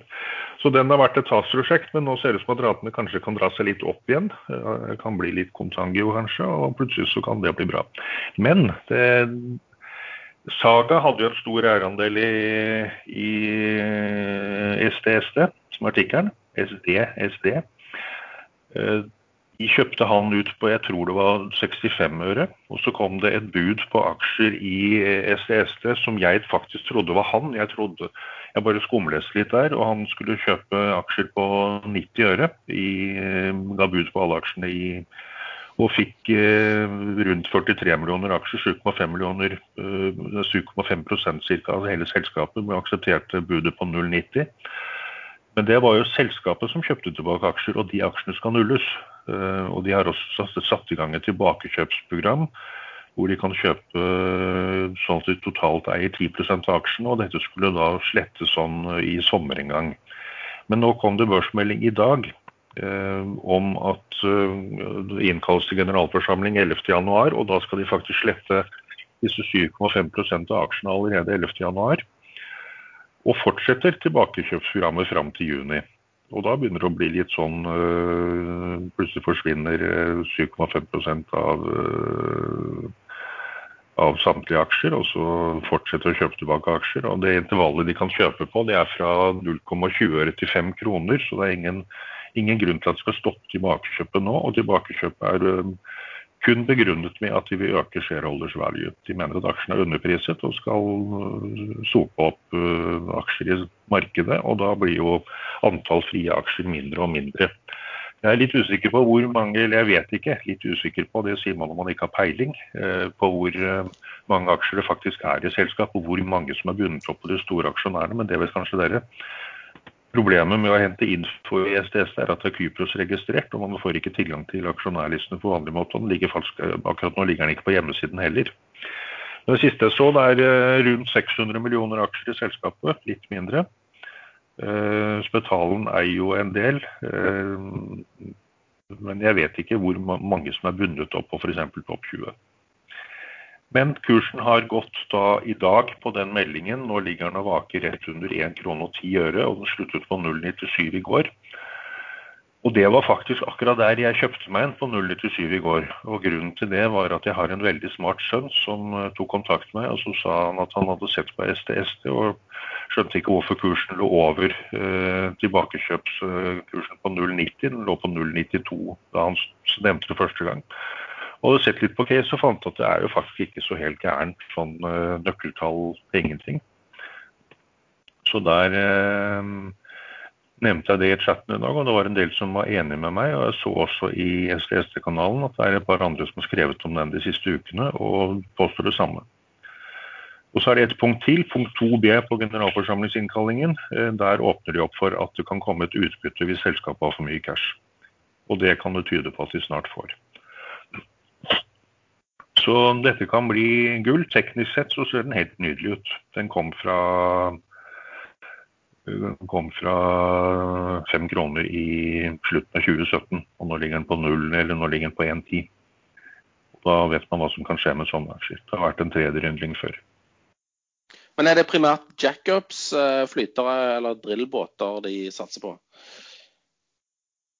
Eh, ingen av delene, men det man eh, kanskje tror nå, er at eh, Spetalen har, har rustet selskapet for sikkert å gjøre noe innen ESG og havvind og litt sånn. De har cash og de har kapasitet, og kanskje ri, ri bølgen de også. Om du tjener penger på det noen gang, det, det, vet jeg ikke, men de, de har null gjeld. De har cash på bok. Vi har en organisasjon som nå kan, eh, kan båter og vet hvordan ting funker. De har de trent på i to-tre år. Ja, Sikkert bra, det. Men uh, Ulf 1, Erlend 0. Ja, det var derfor uh, Ulf kommer sikkert til å slakte meg nå i chatten i, når han hører på denne episoden. Eller kanskje han til og med bekrefter det jeg sier, og det hadde vært moro. ja. Sånn er det. Uh, ja, For min egen del så har jeg ikke noe sånt spesielt akkurat nå. Uh, det, det, skjer jo alltid mye. Det er ganske morsomt rundt jul og, og romjul og sånn. Det, det, skjer en del uh, ja, julekuler og det skjer en del store eh, reaksjoner i aksjekurser som jeg kommer til å følge litt med på. Jeg har egentlig ikke noe sånn spesielle. En som har vært litt gøy i og for seg de siste, som har hoppet litt opp, er jo da Treasure, som er nevnt før som børsens kjedeligste. Eh, men der solgte de nå plutselig ut 10% av eh, den eneste eiendelen de har, en stor aksjepost i Hyundai Glovis. Og det har gjort at rabatten har falt inn fra nesten hvert 50% helt ellevilt, eh, til noen vel på en ja, fem, rundt 35 eh, rabatt, eh, tenker jeg, til underliggende verdi. Og så er spørsmålet om tar de de pengene og deler ut aksjonærene. Da skal den rabatten enda videre inn. Eh, og det får man jo se. Det, dette er jo i Wilhelmsen-systemet, og der foregår jo en vanvittig familiekrangel også eh, om hvordan det systemet skal, eh, skal, håndteres. Ellers er det litt sånn at altså, fundamentalt så er det da så mye galskap fra altså, Jeg tror vel kanskje at jeg ikke kan huske sist gang så mange hadde så liten interesse av hva en aksje egentlig burde være verdt. Og så er det jo det, ingen tvil om at jeg syns at det kommer mye på børs eh, som ikke har bevist noen ting, men som har veldig, liksom, kanskje teknologi og veldig store framtidshåp. Og så syns jeg at eh, meglerhusene pusher de noe vanvittig med noe helt eh, syke kursmål som om de skal overta verden og litt til. Jeg har sett hvordan det der går før. Veldig mange av de selskapene som kommer nå på alle verdens børser, kommer til å trenge Jeg kan vel garantere en ting, at for uh, svært svært mange av dem så kommer de planene og antakelsene som meglerhusene har, ikke til å holde i det hele tatt. Og de må hente penger flere ganger. Og det er klart at Hvis de må hente penger og markedet ikke er sånn som nå, der pengene egentlig står i kø for å komme inn i nye emisjoner, da kan sånne gå rett i bakken, for å si det sånn. Så så jeg synes det, ja, jeg synes det blir liksom Man henviser til den ene boblen for å forsvare hvorfor den andre boblen skal stige 50% til. Så um, akkurat nå er jeg litt sånn i, litt i villrede på, på Tenke litt om kose meg litt i jula ikke, og se om det er noen sånne morsomme ting man kan gjøre uten å, uten å måtte tenke altfor mye fundamentalt utover noen dager. La oss si det sånn, Før eller siden så vil uh, Ulf og du og Sven og alle andre fundamentalinvestorer få rett. Og de som hever seg på ESB, ESG og hydrogenbølger uh, som ikke kan regnes hjem, de vil tappe mye penger på mange av casene, og så er det noen få av de casene som vil overleve. Ja, men nå, vi, nå har vi jo vært med på mange case sjøl også. Så, så er jeg jo med på case som, som ikke er sånn veldig greit å regne på. Det, det, er litt sånn her da, at du eh, er ikke så veldig sånn tilhenger av de som sitter og sier liksom om to år etterpå sier 'hva var det jeg sa'? Mens, eh, hvis hadde, men hvis du hadde blitt med på rønnet og også vært med på å ta en del av tapet, så hadde du gjort det mye mye bedre enn de som sa 'hva var det jeg sa'? Skjønner, hvis du skjønner hva jeg mener? Ja, absolutt. Må, jeg gjorde jo det fra mars. Jeg trodde jo børsen skulle 60 ned, men den snudde jo på mm, rundt 30 så snudde den rett opp igjen. Ja, ikke sant. Men jeg har jo vært med hele veien. Det, ja, ikke sant. på nesen og kjøpt det ene rare greiene etter det andre. Ja da, man kan jo, eie, kan jo eie, ting som ikke ser, sånn fundamentalt ut som en, som en uh, trade. ikke sant? Og du trenger ikke å ha noe conviction på, uh, på verdier på langt hold, bortsett fra at du tror liksom at ja, nyhetsbildet og, og, og, trenden og alt der vil, vil gjøre at den blir, blir populær i lang stund. ikke sant? Du, du er jo stor eksponering for deg, det, Erlend. Og Sven også gjør, gjør jo det stadig vekk. Hva, hva er det nå gjorde? Nå fulgte jeg ikke med her. Nei, nei, vi sa at uh, vi, vi, snakket vel om at man av og til så kjøper man jo ting og eier ting, selv om man ikke har noe fundamental conviction på verdier. Ja. Ja, ja, Ellers så, blir det jo, blir det jo litt kjedelig. Krydder i hverdagen. Kanskje, kanskje Standard uh, Drilling kjøper restene etter, etter sidrill når de konker? Kanskje STST kjøper null? Det hadde vært en en hyggelig uh, historie. Nei, men jeg, jeg er bull på, på, rigg, så jeg støtter, støtter, deg i det du holder på med. Jeg tror det er et lurt valg. Men, men, hva tror dere om Sidri nå? De har jo sagt at uh, dagens aksjer er ta et null. Og Grace-perioden heter noe annet med kreditorene. Den gikk ut sist uke. Så nå kan jo hvilken som helst dag, når som helst, så kan en av kreditorene gå og slå selskapet konkurs. Ja, men det er ikke lurt. Jeg tror ikke de kommer til å gjøre det. Nei, det, det, blir en restrukturering, og så får um, dagens aksjonærer jeg tipper de får en tegningsrett til å være med i det nye selskapet. Jeg tror ikke de får noen ting av verdiene. Mm. Men, eh, Men eh, nå er kursen på 2,64, og den var på rundt to kroner da, da Grace-perioden gikk ut. Så det er tydelig at markedet nå forventer at, at det ikke slår skunk. Og da er det et gigantisk vakuum-case helt til restruktureringen er ferdig og aksjene kommer. Men det, det er ikke helt riktig, Erlend, for den var på to, og så gikk den vel opp til tre. Eh, og så falt den jo nedover igjen etter at det kom meldingene om at de ikke fikk en slags forlengelse. Jeg vet ikke om du så, De, påstår at det ikke betydde noe, men det var faktisk noen panthavere. De hadde noe pant i noe altså sperrede bankkonto. Eh, og de var og forsynte seg fra de nå. Ja, nesten 100 mill. dollar. Ikke sant. Eh, Som tyder jo på og klart at det, det, Så lenge det er sperra bankkonto, det er ikke noe som selskapet kunne bruke likevel. Men det tyder jo på en sånn vilje altså Jeg har sett analytikere skriver om at eh, det er liksom For det er mange typer aktører, hedgefond og alt sammen, som de snakker om å lage eh, en hva skal du si, big eh, bad drilling company. Eh, og, og, og at Seadrill kan inngå det. Så du kan altså Det er, det er som du Sven sier, at normalt så er det ikke noen fordel å, å slå selskapet konk. Det er fint å ha det børsinstrumentet. Men det er klart hvis du sitter i frontsetet og, har pant i riggene, kan, og, og du sitter og snakker med andre og sier at la oss lage et nytt riggselskap og samle ditt der, så finner du kanskje hvilke av disse selskapene skal vi bruke som enhet. Og så, og, og så, så slipper du bare øksa på de andre og sier bare at eh, sorry, du har ikke betalt, eh, vi har pant i de riggene, nå tar vi de riggene og, flytter de til det selskapet. Så det, det, det kan skje. Men det vil da si at da blir jo da Seadrill eh, minoritetsaksjonær standard drill når de går inn og kjøper eh, dødsboa. Altså, hva da, Det var en Seadrill fleip. Si- Si- Seadrill vil jo ikke ha noe som helst i et sånt tilfelle. ikke sant? For da, da har jo bare de sterkeste gått og tatt assetene eh, bort. Eh, Men, men det er altså mange gode grunner for å, å Men, men, men, men kan vi snakke litt om riggmarkedet i neste episode, eller en episode etterpå der? Fordi det som skjer med, med amerikanske riggselskaper, det er jo at eh, på, på gjeldssiden så er det utrolig mange av de samme aktørene som sitter med store poster i, i gjelden. Ja. Eh, Sånn at det kan gå mot en sånn massekonsolidering, eh, fordi at nå sitter de kun med equity etterpå.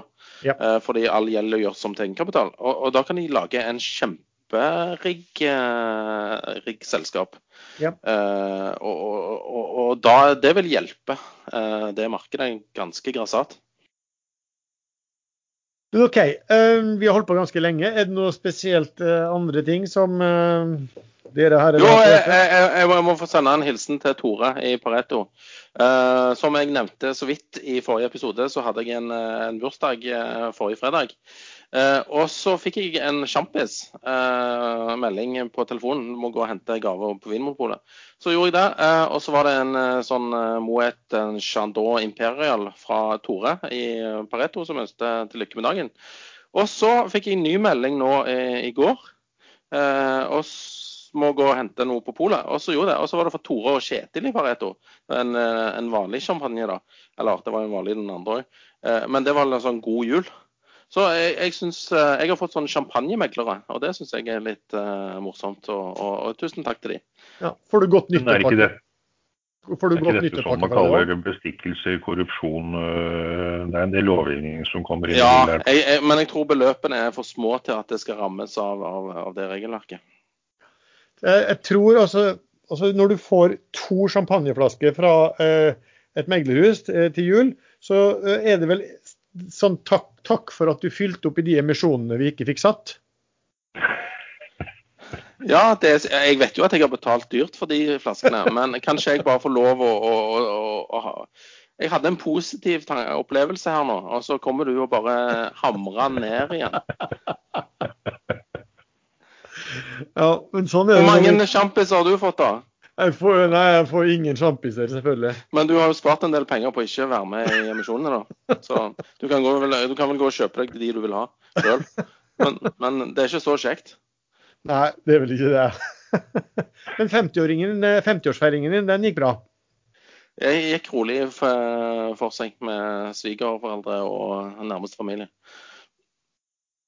Var det ikke 55 du også ble? Nei. Ikke før om fem år. Går Jeg gratulerte jo Lars med 55-årsdagen og eh, mente det egentlig som en eh, litt sånn eh, slem gest. Jeg trodde han ble 52 maks, kanskje. Men så var det riktig. Ja. Det er ikke noe moro. Nei. Det er, en grunn, altså det, det, er det gapet der på fem år som eh, bestemmer om du skjønner noe av den nye økonomien og, og, og den gamle økonomien. Sånn Kanskje som du får gap-setting, Lars. ja. Nei, men jeg hører at det, det, det er slutt med det meste av tankevirksomhet. Er du flink på verdi, da? Ja, i hvert fall, i hvert fall å påstå, påstår det. OK, da er vi vel ferdig for denne gang. Da takker vi til alle som lytter på eh, denne sendingen. Håper det faller i smak, og at dere hører på oss flere ganger. Ønsker dere alle en riktig, riktig god jul. Og så kommer vi med ny episode igjen i romjulen. God jul. God juletid. Men ble ikke denne her usannsynlig lang?